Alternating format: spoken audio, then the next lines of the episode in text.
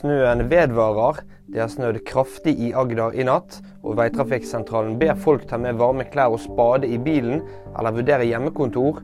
Oransje farevarsel er forlenget til onsdag mellom Mandal og Arendal, og flere kommuner har satt krisestab. Sørkoreansk opposisjonsleder knivstukket. Lee Ja-myung ble angrepet under et pressemøte utenfor storbyen Busan og er nå på sykehus. Video fra stedet viser en person som går rett mot Lee fra en klynge TV-fotografer og stikker ham i halsen.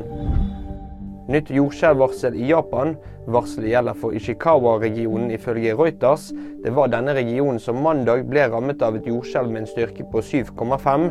Seks personer er så langt registrert omkommet. Husk at du alltid finner nyheter på VG.